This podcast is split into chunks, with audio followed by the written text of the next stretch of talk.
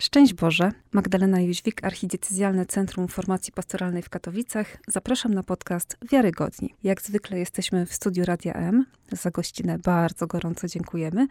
A ze mną dzisiaj w studiu jest e, ksiądz dr Wojciech Maciążek. Witam cię serdecznie. Szczęść Boże, dzień dobry.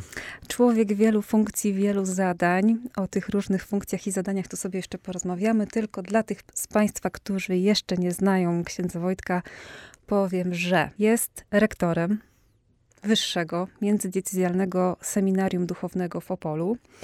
E, prowadzi kurs e, formatora, współpracuje z inicjatywą Misjo w Gliwicach w związku z tym i nie tylko. Oczywiście jest e, doktorem teologii dogmatycznej. Oczywiście, bo wiadomo, że dogmatycy razem się trzymają. No i mamy ten zaszczyt i przyjemność, że współpracuje też z naszym Centrum Formacji, prowadząc zajęcia na Szkole Katechetów Parafialnych, więc dla tych z Państwa, którzy jeszcze nie mieli okazji być na wykładach księdza Wojtka, to będzie taka okazja już w najbliższych e, edycjach. No ale dobrze, dobrze. O przyszłości to e, kiedyś. E, dzisiaj chcemy sobie porozmawiać na temat formacji przyszłych prezbiterów, czyli na temat formacji w seminarium. I e, oczywiście myślę, że ilu z nas tyle różnych pomysłów na to, jak to powinno wyglądać, e, jacy powinni być przyszli księża, każdy ma jakieś swoje marzenia, życzenia. I właśnie o tych oczekiwaniach i o tej rzeczywistości dzisiaj sobie spróbujemy porozmawiać. Z czym przychodzi taki młody człowiek do seminarium? Z jaką perspektywą posługi prezbitera? Czy w ogóle z taką perspektywą? To załóżmy, że to jest ciągle młody człowiek, bo przychodzą Aha. i młodsi, i starsi, ale niech będzie przychodzący człowiek i on w głowie ma dużo marzeń, dużo marzeń o przyszłości w kościele. Jako ksiądz wydaje się, że przede wszystkim albo przynajmniej bardzo często na pierwszym miejscu widzi się e, w funkcjach liturgicznych. Mhm. Czyli jest tym, który się modli z ludźmi, który odprawia mszę, przewodniczy nabożeństwom, wykonuje posługę sakramentalną w konfesjonale, trochę odwiedza chorych. To jest chyba taki pierwszy rys tych kandydatów do kapłaństwa, no bo w sumie oni e, ten pierwszy rys znają ze środowiska, w którym wzrastają. Ksiądz dla nich jest tym, który jest spotykany przy ołtarzu, w konfesjonale i niekiedy między plebaniem a kościołem. Mhm, Okej, okay, dobrze. No to powiedzmy, że mamy profil takiego człowieka, który przychodzi do e, seminarium. Taki profil dotyczący oczywiście jego pragnień i postrzegania e, tej posługi, tego powołania. No dobrze, a czy masz jakieś takie głosy, rozeznanie, przekonanie o tym, czy, jakich przyszłych księży oczekują ludzie, parafianie? Dwa dni temu byłem w, jednym z, z, w jednej z opolskich miejscowości na, na niedzieli pastoralnej, kiedy księża z seminarium rozjeżdżają się i głosimy kazania. Miałem okazję także odprawiać nabożeństwo majowe przy przydrożnym krzyżu mhm. w jednej z wioseczek. No i w pewnym momencie to majowe nabożeństwo po odśpiewaniu wszelkich e, właściwych pieśni i odmówieniu modlitw przeszło w stronę bardziej katechetyczną, a następnie w stronę pogadanki o powołaniach. I ci ludzie najpierw niezapytani, a potem dopytani o to, jaki ma być ksiądz przyszłości, e, a właściwie teraźniejszości, mhm. E, przede wszystkim stawiali akcenty na, na obecność tego księdza z nimi w różnych dziedzinach życia. Oni chcą księdza obecnego, oni chcą księdza, który, to są prawie cytaty, nie ucieka zaraz po mszy na plebanie. Mm, jest z tymi ludźmi, interesuje się ich życiem, widzi ich potrzeby i podejmuje działania mające na celu zaradzić przynajmniej tym e, najpotrzebniejszym. E, jedno ze zdań, które e, trochę to obrazuje, może w stopniu większym niż to jest możliwe, wypowiedziała uczestniczka tego nabożeństwa, mówiąc, że chcemy, żeby dzisiejszy ksiądz pomagał nam rozwiązywać problemy ludzkości. Oj, zabrzmiało wzniośle. No, poprzeczka jest postawiona bardzo, bardzo wysoko. wysoko.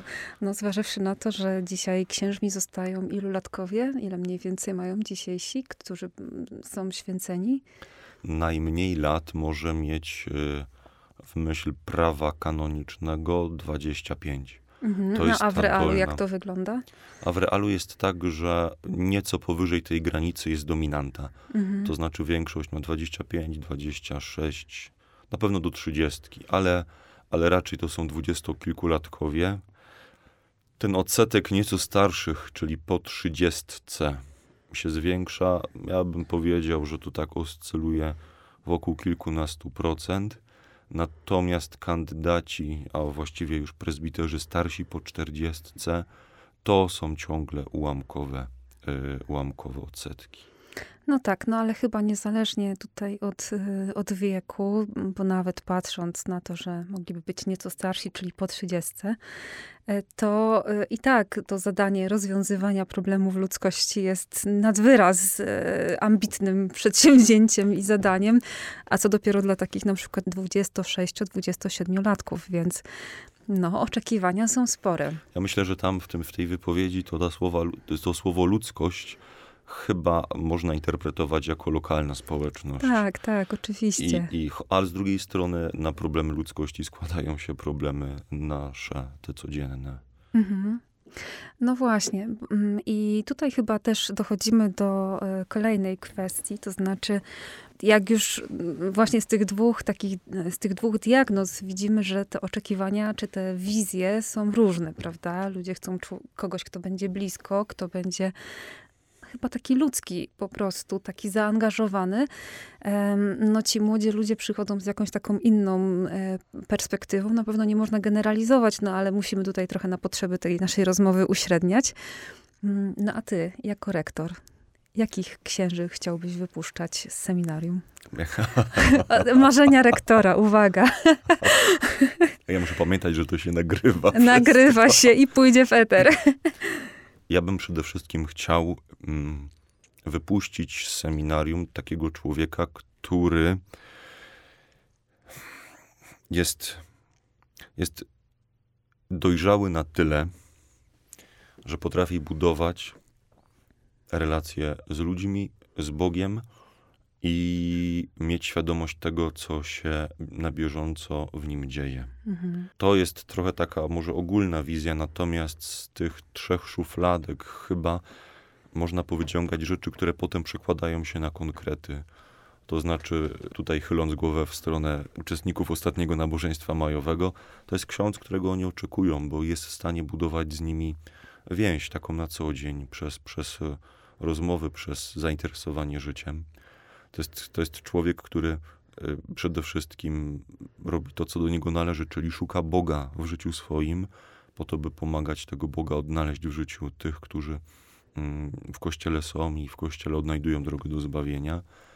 No i w końcu, jeśli jest na tyle dojrzały, że widzi, co się z nim dzieje, to ma świadomość tego, że nie wszystko mu się uda, nie ze wszystkim sobie radzi i ta perspektywa go nie przeraża, a ma świadomość jakichś narzędzi i kroków, które może podjąć, żeby także w tej ostatniej dziedzinie życia sobie poradzić. Mhm, To by sugerowało, że taki człowiek, który wychodzi z seminarium, jednak nie jest, że tak powiem, produktem gotowym. To znaczy, że to nie jest ktoś, kto już wszystko e, wie najlepiej, wie, jak to wszystko powinno wyglądać i, no i dostał wszystko w seminarium i teraz już tylko działamy. To jest, chciałbym powiedzieć, przykaz każdego dnia seminaryjnego. To znaczy, że właśnie to się dopiero zaczyna po, tak? tak, to znaczy, to, to jest rzecz trudna, bo trzeba ją nieco wypośrodkować. Mhm. Nigdy nie będziemy gotowymi produktami. Nasze całe życie na każdym etapie dzieje się w długim, skomplikowanym procesie wzrastania jako ludzie, wzrastania jako wierzący, yy, wzrastania w swoim człowieczeństwie.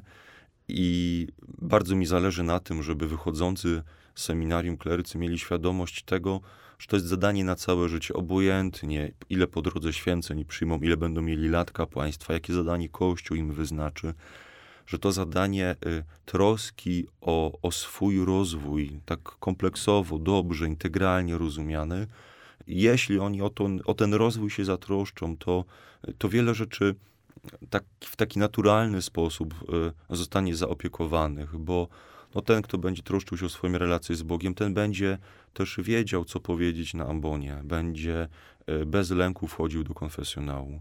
Ten, kto e, zatroszczy się o, o więzi z ludźmi, będzie z tymi samymi ludźmi w różnych przestrzeniach dobrze funkcjonował. Czy to będzie kancelaria parafialna, czy to będzie szkoła, w której katechizuje, czy to będzie ruch, wspólnota, grupa religijna, która potrzebuje księdza do modlitwy i do posługi. No i w końcu y, to też będzie człowiek, który będzie potrafił się odnaleźć y, w kapłańskim gronie. Gronie, które jest różne, tak jak różni są ludzie. I to, co trudnego nie ściągnie na, sam, na samo dno, natomiast odszuka światło, które także przychodzi przez życie współbraci i za tym światłem będzie w stanie pójść. Mhm. A która z tych trzech takich przestrzeni, no, która wymaga takiego zaangażowania, rozwoju, zaopiekowania w ogóle w życiu, z którą z tych trzech, o których powiedziałeś, najtrudniej się zmierzyć klerykom? Która wymaga najwięcej tej pracy właśnie na etapie seminarium? Czy to bardziej e, właśnie mm, relacja z Panem Bogiem, relacja ze sobą, czy to przygotowanie do takiej, no właśnie, pracy z ludźmi? Czy to zależy też od etapu formacji seminaryjnej? Etapy formacji seminaryjnej może nieco inaczej stawiają akcenty. Ten mhm. suwak się, czy te suwaki na tej linii ograniczonego czasu, sił i możliwości są, są inaczej gdzieś tam e, poustawiane. Gdybym miał powiedzieć, to wydaje mi się, że jednak tym największym wyzwaniem jest sprawa y, szeroko rozumianej formacji ludzkiej. A dlaczego? Ponieważ y, młoda głowa i młode serce przychodzące do seminarium jest pełna wiary, jest pełna religijnego zaangażowania, mhm. jest głodna ołtarza, jest głodna obecności na, na modlitwie. I to jest super. Natomiast za tym jest niebezpieczeństwo takie, że na tym się skończy. Że... Brzmi to bardzo tak intrygująco, bo przecież teoretycznie to powinno rozwiązać wszystkie problemy. Ponieważ tu się też spotykamy jako dogmatycy. tak, wiem, kogo zaprosiłam. To, to, to, może tylko dla, dla celów y, porządkowych. Tak, tak, dla celów porządkowych dla celów, zrób to. Ja to zrobię. tak. Powiem, że, ten, y, że to, że, że jest i łaska, i natura, i one zawsze będą musiały iść razem, i że ta łaska, która przekłada się na obecność, na modlitwie osobistej, na modlitwie wspólnotowej, na kontakt z Biblią, na różnego rodzaju formy pobożności, duchowości, że Bóg, który przychodzi przez te momenty, on musi znaleźć y, konkretną przestrzeń ludzkiej wolności, którą my nazywamy naturą. Czyli to jest kawałek naszego życia, najprościej mówiąc, coś, co jest we mnie. Po co z tego, że ja jestem człowiekiem, który 12 godzin siedzi w kaplicy i modli się o, o łaskę dobrej współpracy z ludźmi, jak właściwie do ludzi nie wychodzę, bo mam zamknięte drzwi. No to, no to jak zobaczyć tą łaskę w praktyce, nie? Dokładnie jak tego tak. doświadczyć. Mhm. Więc wracam do, do, do tego pytania sprzed sekundy. Yy, dlatego wydaje mi się takie, może nie tyle mniej potrzebne formacji duchowej ilość, tylko jakość. Przechodzenie przez pewne stadia, dojrzewanie w wierze, bo etapy, etapy religijności człowieka też są różne i, i ci kandydaci wychodzą też z bardzo różnym doświadczeniem, bo z różnych środowisk. Więc w związku z tym mają też różne, różny obraz Boga, y, różny obraz wiary, y, różne oczekiwania, różną wizję świata duchowego. No, I na to też są te seminaryjne lata i duchowej formacji, intelektualnej formacji, żeby pewne rzeczy uporządkować, móc przeżyć, zmierzyć się z tym. Natomiast to się wszystko dokonuje ciągle przecież w ludzkiej, w ludzkiej przestrzeni. I dlatego wydaje mi się, że ta, e, że ta przestrzeń pracy nad sobą, by być bliżej siebie i budować dojrzalsze relacje z ludźmi, lepiej to robić, jest obecnie numerem jeden mhm. w seminarium. Myślę, że ta kwestia takiej formacji ludzkiej i takiego, mm, no właśnie, spotkania się ze sobą i umiejętności bycia ze sobą, to jest coś, co nie tylko pojawia się jako temat, jako motyw ważny w formacji seminaryjnej. Myślę, że w ogóle o tym coraz częściej mówimy w różnych środowiskach. Natomiast zastanawiam się, co konkretnie w tej formacji ludzkiej no, jest taką rzeczą szczególnie istotną dla przyszłych prezbiterów.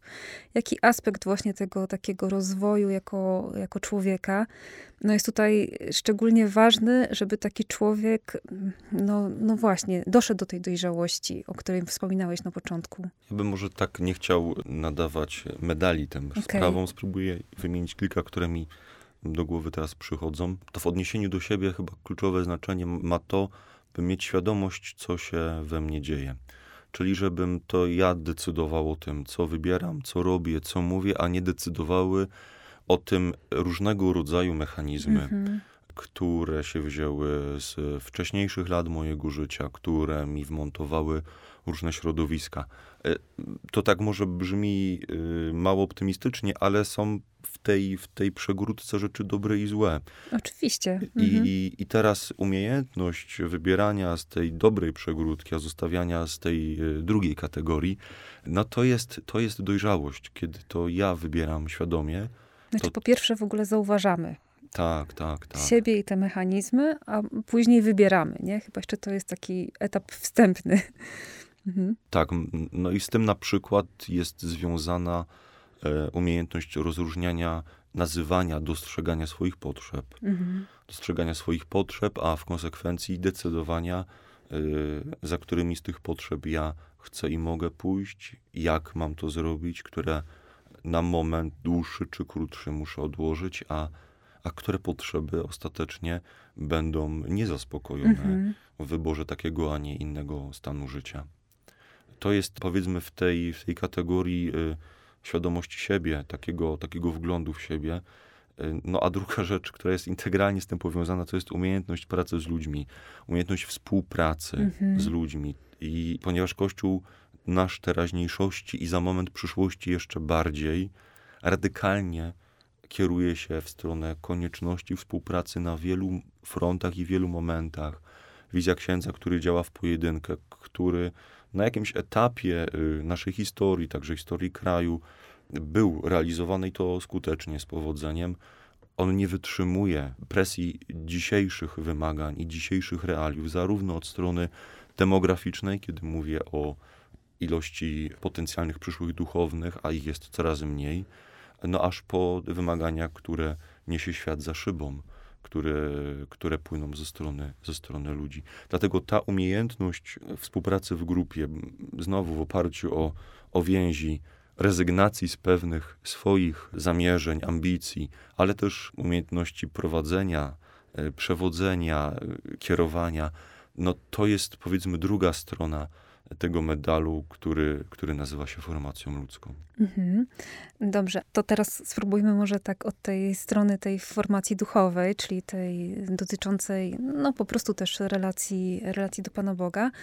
Czy tak z Twoich obserwacji jako rektora widać tutaj jakieś takie zmiany, które są związane z tą formacją, że ktoś na przykład przychodzi z czymś do seminarium, ale potem właśnie pod wpływem lat tej formacji e, seminaryjnej jednak zmienia swoje też takie, mm, no właśnie to, o czym mówiłeś, o tym obrazie Pana Boga, o perspektywie życia duchowego, o myśleniu o Kościele.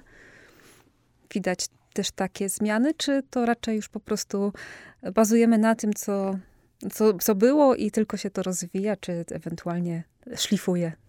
Nie, to się rozwija, ponieważ tak myślę sobie, że taką najpoważniejszą zmianą, która wprost wybrzmiewa z ust kleryków przechodzących poszczególne etapy formacji, albo, albo panów, którzy odchodzą z seminarium, mówiąc, że to nie jest ich droga, ale na pytanie o to, co jest najważniejsze, to często powtarzającym się refrenem jest nauczenie się modlitwy Słowem Bożym. Że to było coś dla nich nowego. To pokazuje, że oni najczęściej z tym nie wchodzą do seminarium, mhm. ponieważ y, nie chcę tutaj operować procentami, może tylko takim ogólnym obrazem jak skanuję w głowie te, te obecne roczniki, wydaje mi się, że mniej niż połowa miała doświadczenie y, formacji w jakimś ruchu, grupie, wspólnocie, mhm. A doświadczenie modlitwy słowem, medytacji, namiotu spotkania, niepotrzebne skreślić albo inne dopisać w zależności od, od y, duchowej kultury danego ruchu, no to jest dostępne tam, tam gdzie, gdzie byli ludzie, gdzie była wspólnota, gdzie była jakaś formacja. I faktycznie ci, którzy gdzieś tam liznęli trochę łazowy ruch, mają na początku łatwiej. Natomiast y, tak, ci inni mówią o tym, że ich kontakt z Biblią, ich warsztaty, ich nauka medytacji, ich współpraca z Ojcem Duchownym, y, to co mówią bibliści nie tylko od strony warsztatu naukowego, ale próbując im pokazywać y, metody modlitwy, jak lekcja divina, mhm. że to im zostaje.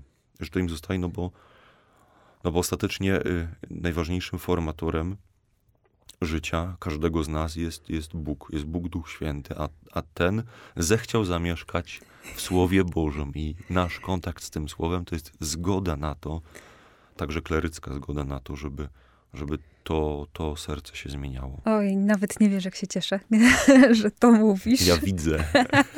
No tak, nasi słuchacze niestety nie widzą, ale myślę, że dla nas wszystkich e, może to być e, też jakieś takie dające, no powiem szczerze, nadzieję i, i takie trochę poczucie bezpieczeństwa, że ci, którzy będą naszymi przyszłymi duszpasterzami, jednak e, no, doświadczyli tego, co ma być jakąś podstawą ich duchowości tak? Czyli właśnie ta modlitwa e, Słowem Bożym, no bo jak wiemy, te podstawy bywają różne, prawda? E, jeśli chodzi o takie upodobania osobiste. No i jakie z tego wychodzą konsekwencje, to też wiemy, bo widzimy, bo słyszymy, więc... Oczywiście jest tak, że każdy, e, każdy z, z, z kleryków ma mniej czy bardziej ukierunkowane swoje, no całe swoje życie, w tym także życie duchowe. Mamy więc i w seminarium miłośników i czcicieli świętego Józefa, zgromadzonych w bractwie diecezjalnym. Mamy takich, dla których bardzo bliska jest duchowość ignacjańska, którzy część wakacji poświęcają na to, żeby jeszcze trochę zakosztować zamkniętych rekolekcji, czy to w formie słuchawkowej u sióstr, czy, czy u jezuitów. Mamy takich, którzy odnajdują się w duchowości charyzmatycznej bo, bo, coś po drodze, bo coś po drodze przed seminarium liznęli i im zostaje i próbują albo to wprowadzać, no albo gdzieś ciągle z tego czerpać. To też widać po tym, jakie praktyki wakacyjne wybierają klerycy, choć rektor seminarium w Opolu mhm. bardzo im zaleca i wprost nakazuje, żeby to były różnego rodzaju praktyki, żeby też mieli okazję zapoznać się z całą paletą kolorów i barw jakie e, ma duchowy świat Kościoła katolickiego, a jeśli nie z całą, to przynajmniej z tymi dominującymi. Mhm.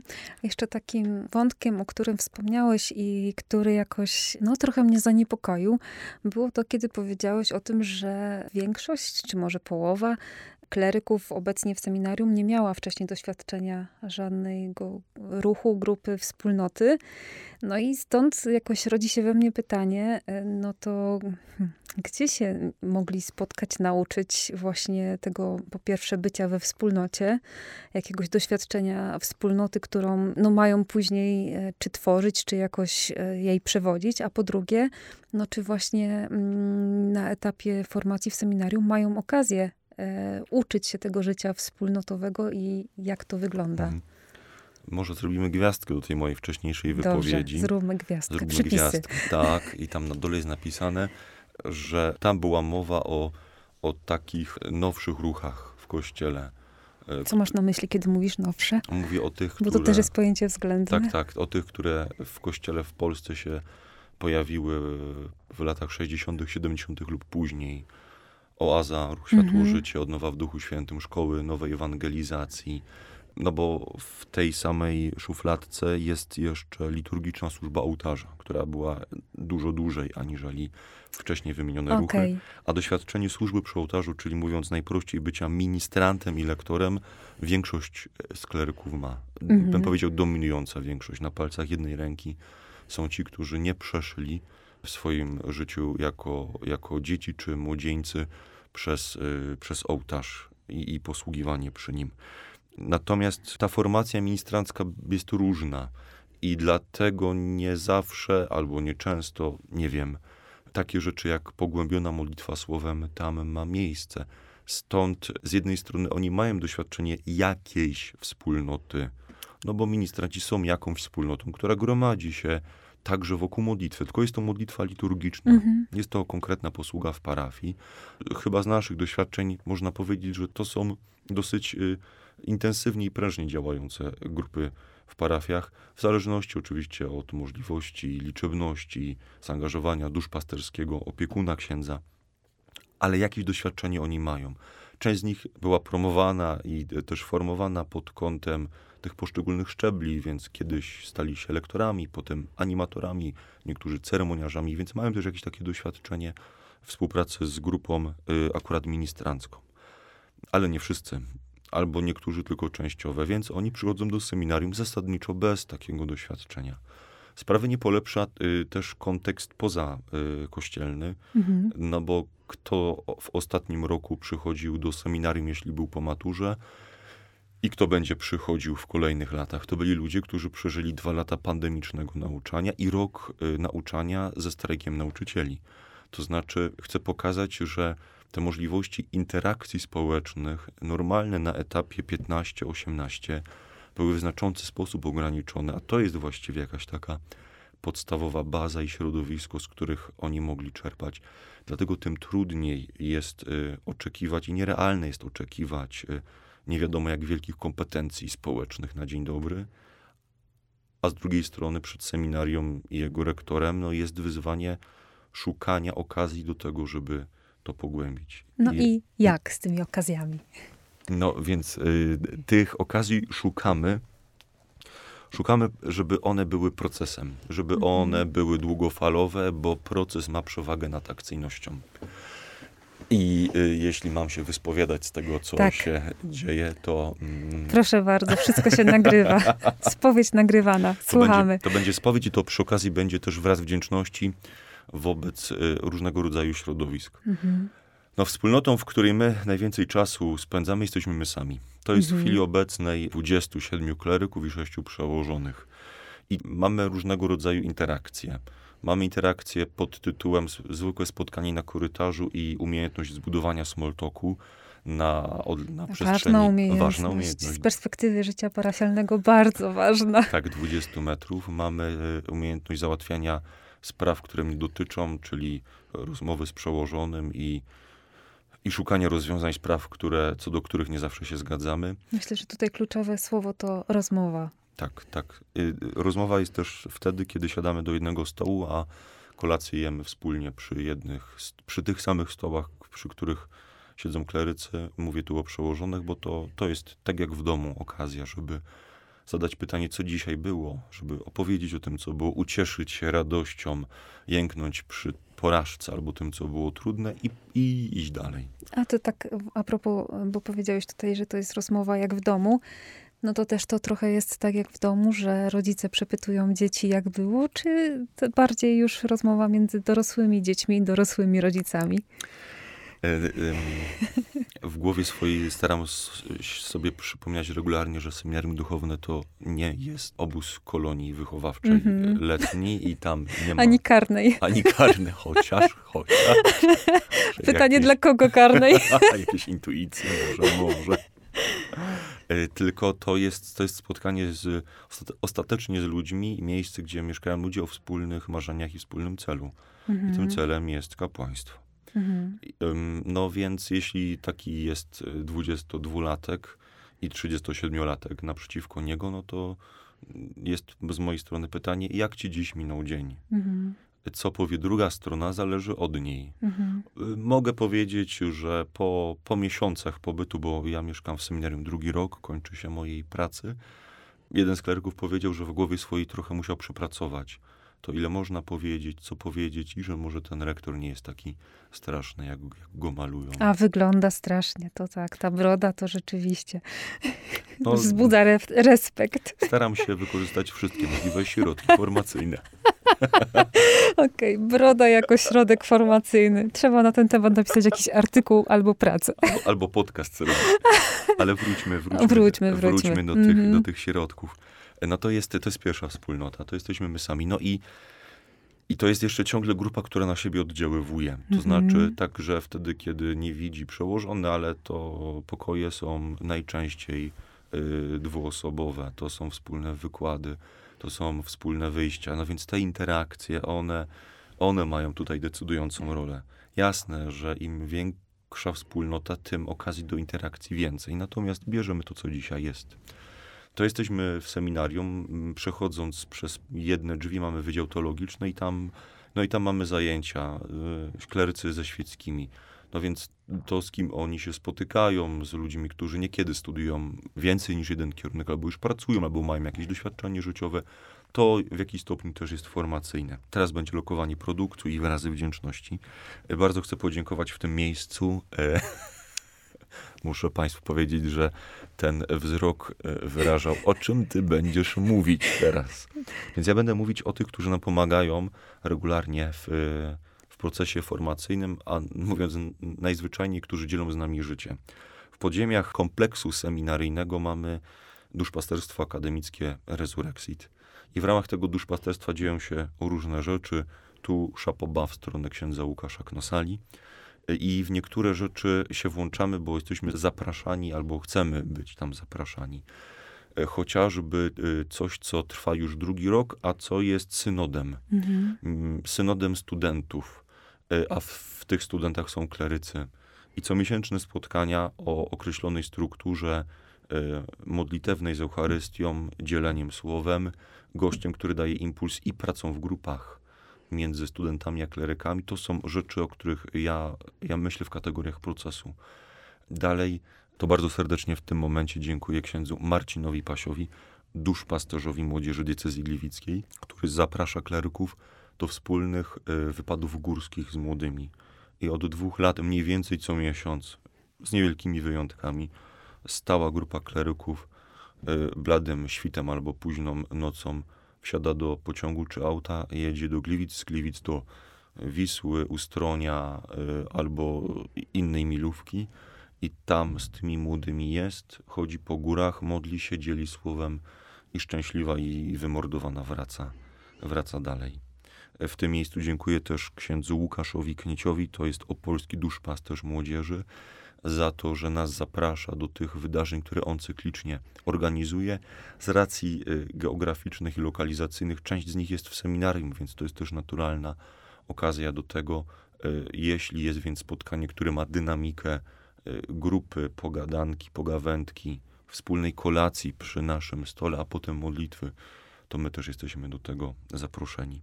Część kleryków angażuje się w grupę mm, pracującą z niepełnosprawnymi, mhm. y, z wiarą i światłem w Opolu, tam prowadząc katechezy, a wiadomo, że ta ich po, posługa katechetyczno-liturgiczna i tak bazuje na tym wszystkim, że w pewnym momencie siadają do, do stołu, że ten wózek pchają, że rozmawiają z opiekunem tego dziecka i tym sposobem też uczą się wrażliwości i, i widzą, jak wygląda życie ludzi, którzy albo sami są niepełnosprawni, albo mają wokół siebie ludzi z jakimś stopniem niepełnosprawności. Mhm. Tu właściwie te grupy, wspólnoty, czy te takie zaangażowanie kleryków, można powiedzieć, że e, mocno związane jest z duszpasterstwem młodzieży, czy właśnie z duszpasterstwem akademickim, czyli ze stosunkowo młodymi ludźmi jednak, bo tak specjalnie uważnie słuchałam, e, jakie, e, jakie grupy czy jakich też księży wymieniasz, którzy za odpowiednie duszpasterstwa są odpowiedzialni. No a właśnie, później mamy taki moment, w którym ten 26-latek jest neoprezbiterem, idzie na parafię i jednak ta średnia wieku parafialna jest zdecydowanie inna niż te grupy, które miał, z którymi miał okazję styczność w seminarium. Czy z takimi właśnie dorosłymi ludźmi, którzy są w bardzo różnym wieku i momencie życia, ale już można powiedzieć, że są dorośli, dorośli, a nie młodzi dorośli, też mają okazję spotkać się klerycy, współpracować, jakoś nawiązywać relacje? Chyba najbardziej to y, mamy takie comiesięczne wypady do opolskich parafii, mhm. gdzie oni posługują liturgicznie. Mhm. Ale oprócz liturgicznego posługiwania mm, stoją w zakrystii i tam jest pan lub pani kościelna. Y, jest y, ktoś, kto przyjdzie przeczytać czytanie. Potem trafią na plebanie, gdzie prawdopodobnie jest jakaś pani gospodyni i, i przynajmniej w takich interakcjach prostych mają też okazję e, zmierzyć się z kimś, kto ma trochę więcej lat niż oni. Oprócz tego, jeśli jest taka możliwość, to staramy się ich, e, czyli kleryków, brać na takie wydarzenia, w których biorą udział ludzie w wieku, o którym mówisz. No ja myślę chociażby o tym kursie formatora, mhm. E, czyli takim, e, takim programowym szkoleniu teologicznym dla ludzi już posługujących we wspólnotach, a ci ludzie to są, myślę, że dominanta to jest 30, 40, 50 lat, może niekiedy więcej. Młodsi i starsi też są. Więc okazja do bycia z tymi, którzy tam to organizują i którzy korzystają z tego od wspólnego słuchania po, przez y, wspólną kawę i rozmowę, skończywszy na wspólnej modlitwie, no to też jest szansa dla nich. Do tego jeszcze dochodzą różnego rodzaju rzeczy takie wakacyjne, które się dzieją, jeśli na turnus rekolekcji Jezus żyje, który ma przeciętnie około 300 uczestników. W zeszłym roku przewinęła się ósemka, w tym roku zamierza się przewinąć jakaś szóstka kleryków. No to jest też intensywny czas do spotkania e, najczęściej jednak ludzi starszych niż, niż dwudziestolatkowie. Mhm. Jeszcze tak zastanawiam się, jak, e, jak słucham tego wszystkiego, o czym mówisz, tak z twojej perspektywy, jako przełożonego, tak może bardziej osobiście, co jest dla ciebie radością i trudnością w byciu rektorem seminarium? Dla mnie radością jest, są takie momenty, w których widzę, że, że klerycy rosną, że idą mhm. do przodu. Ja wiem, że to jest takie obrazowe i poetyckie sformułowanie, natomiast. Y, Ale wiemy o co chodzi. Mam nadzieję.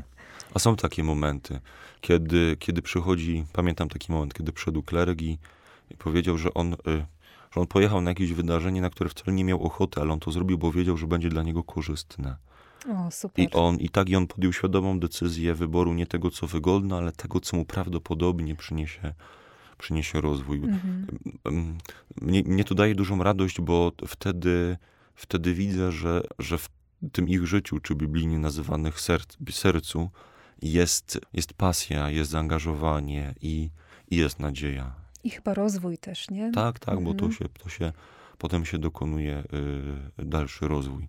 Dla mnie ogromną radością i tu też będzie małe lokowanie produktu, to jest współpraca z innymi moderatorami. Ja jestem bardzo mhm. wdzięczny Bogu i przełożonym kościelnym za to, że w Opolu pozwalają, pozwalają nam w szóstkę pracować razem z wicerektorem Robertem, prefektem Danielem, ojcami duchownymi Krzysztofem i Łukaszem i seminaryjnym ekonomem Krystianem, ponieważ y, to, to jest też moja grupa, która mnie tworzy. Wsparcia. Wsparcia, życia, dzielenia, no bo troska jest wspólna. Mamy różne sposoby i obszary odpowiedzialności w tym seminarium, ale ostatecznie dzielimy ten sam, ten sam los. Mhm. A co trudnością, takim smutkiem, bolączką rektora? Bolączką rektora jest no, druga strona medalu, czyli to, co by mogło być, a, a, a nie ma miejsca. Mhm. Kiedy, Na przykład?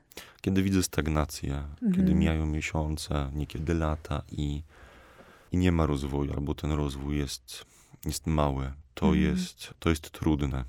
Może... Mm, może też powiem, że nie pomaga, co nie pomaga tak, tak z zewnątrz. Na pewno nie pomaga taka narracja, która jest oczywiście od strony socjologicznej prawomocniona i, i możliwa, że kiedyś było więcej, było inaczej, za naszych czasów i tak dalej, i tak dalej. Mhm. Ja sobie zdaję sprawę, że tak było, bo ja sam jestem przecież przedstawicielem innego seminaryjnego świata, innego kościelnego świata, kiedy Papiery do seminarium składałem w 2006 roku.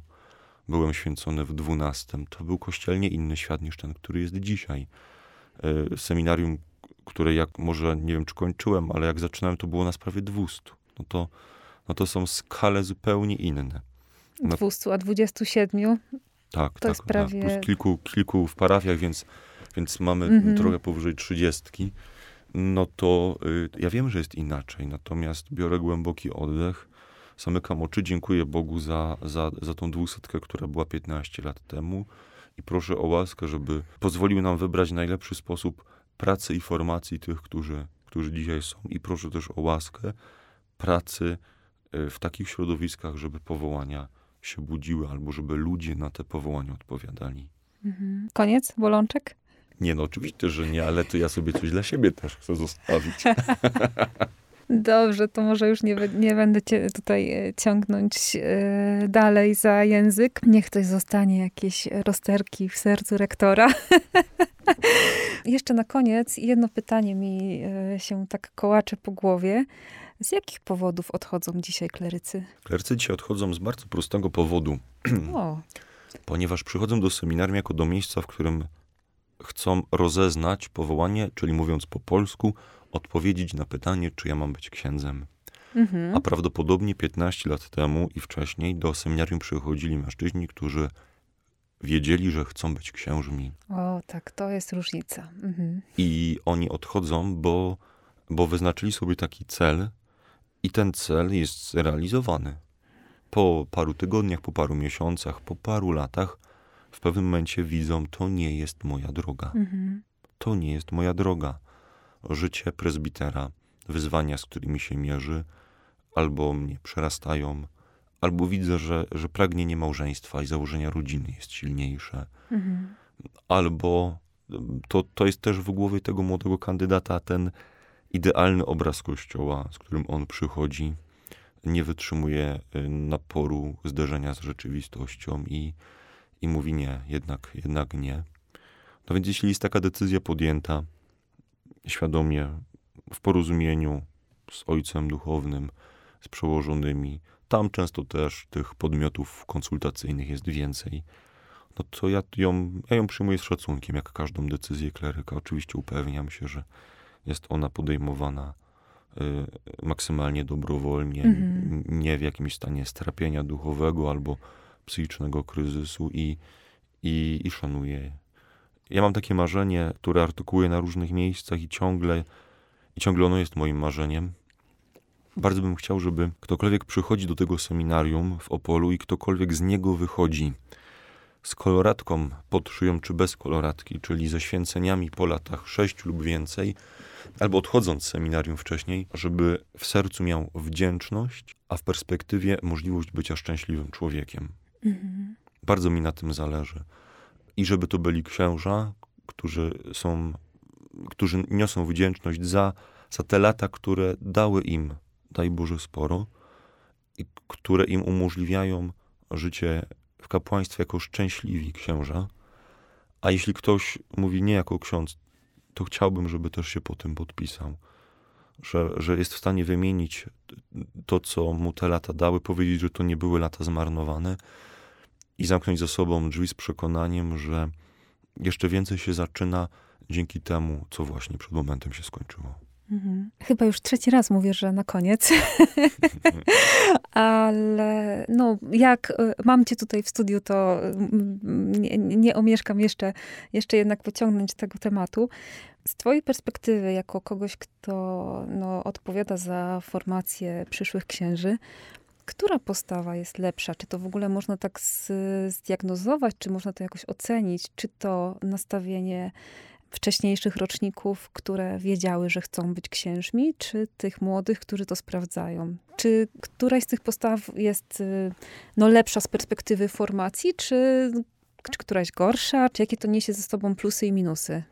Ja podejrzewam, że y, zmiana tej proporcji wynika ze zmiany dojrzałości, z którą przychodzą kandydaci. Okej. E, I to tu bym, tu, bym, tu bym plasował powody tego stanu rzeczy. E, Dla mnie jest y, preferowana ta druga. Żeby Ponieważ, jednak sprawdzać. Tak, ponieważ ona nie niesie w sobie przymusu jakiegoś. Tam w tyle nie ma głosu, że ja muszę zostać, bo okazuje się, że wewnętrznie nie chcę, ale przecież przyszedłem do seminarium, to muszę zostać księdzem. Mhm. I I- jest jakaś otwartość większa na różne jakby też propozycje i w sensie jak, człowiek nie ma jeszcze tego w sobie, że planuje zostać księdzem, no to ma większą elastyczność, otwartość na rozwój swój i też na inne możliwości. Z tej takiej no, niewielkiej próbki, którą Mhm. mam, wydaje mi się, że tak, że wtedy jest, że wtedy jest y, szersza, szersza perspektywa spojrzenia na formację, że formacyjne nie jest tylko biurko e, seminaryjne i seminaryjna kaplica, ale formacyjne jest na przykład spotkanie ze studentami, wyjście poza seminarium, spacer w góry, a nawet, a nawet dodatkowy rok, a może i dwa formacji, no bo Mhm. przecież to nie jest wyścig do prezbiteratu i pokapłaństwo, Tak, zdecydowanie. tylko to jest czas rozeznawania, więc Mhm. jeśli ja, czy kleryk potrzebuje tego czasu więcej, no to z mojej strony ma, ma zielone światło. Zdecydowanie wolę, żeby ten, który kładzie się w Dniu Święceń na katedralnej posadce, miał w sobie głębokie przekonanie i aprobatę Kościoła, że robi dobrze, nawet jeśli zajmie mu to 8, a nie 6 lat. Mhm. Wojtku, bardzo Ci dziękuję za rozmowę. E, Na koniec myślę, że nie tylko w swoim, ale też w imieniu naszych słuchaczy życzę Ci dużo właśnie takich tych radości rektorskich, a mniej tych bolączek. No i oczywiście Bożego prowadzenia w tym, co robisz, żebyś wiedział, jak formować nam przyszłych księży. Myślę, że e, wszystkim nam, którzy, którym zależy na Kościele, no to szczególnie sobie zdajemy sprawę, jak no też ważna jest po prostu twoja y, funkcja, to czym się teraz zajmujesz, więc wspieramy. Bardzo dziękuję i za zaproszenie, i za e, dzisiejszą rozmowę. Ja tylko przypomnę, że jak zwykle rozmawialiśmy w studiu Radia M. Bardzo dziękujemy za gościnę. Moim gościem był ksiądz e, dr Wojtek Maciążek. Do usłyszenia.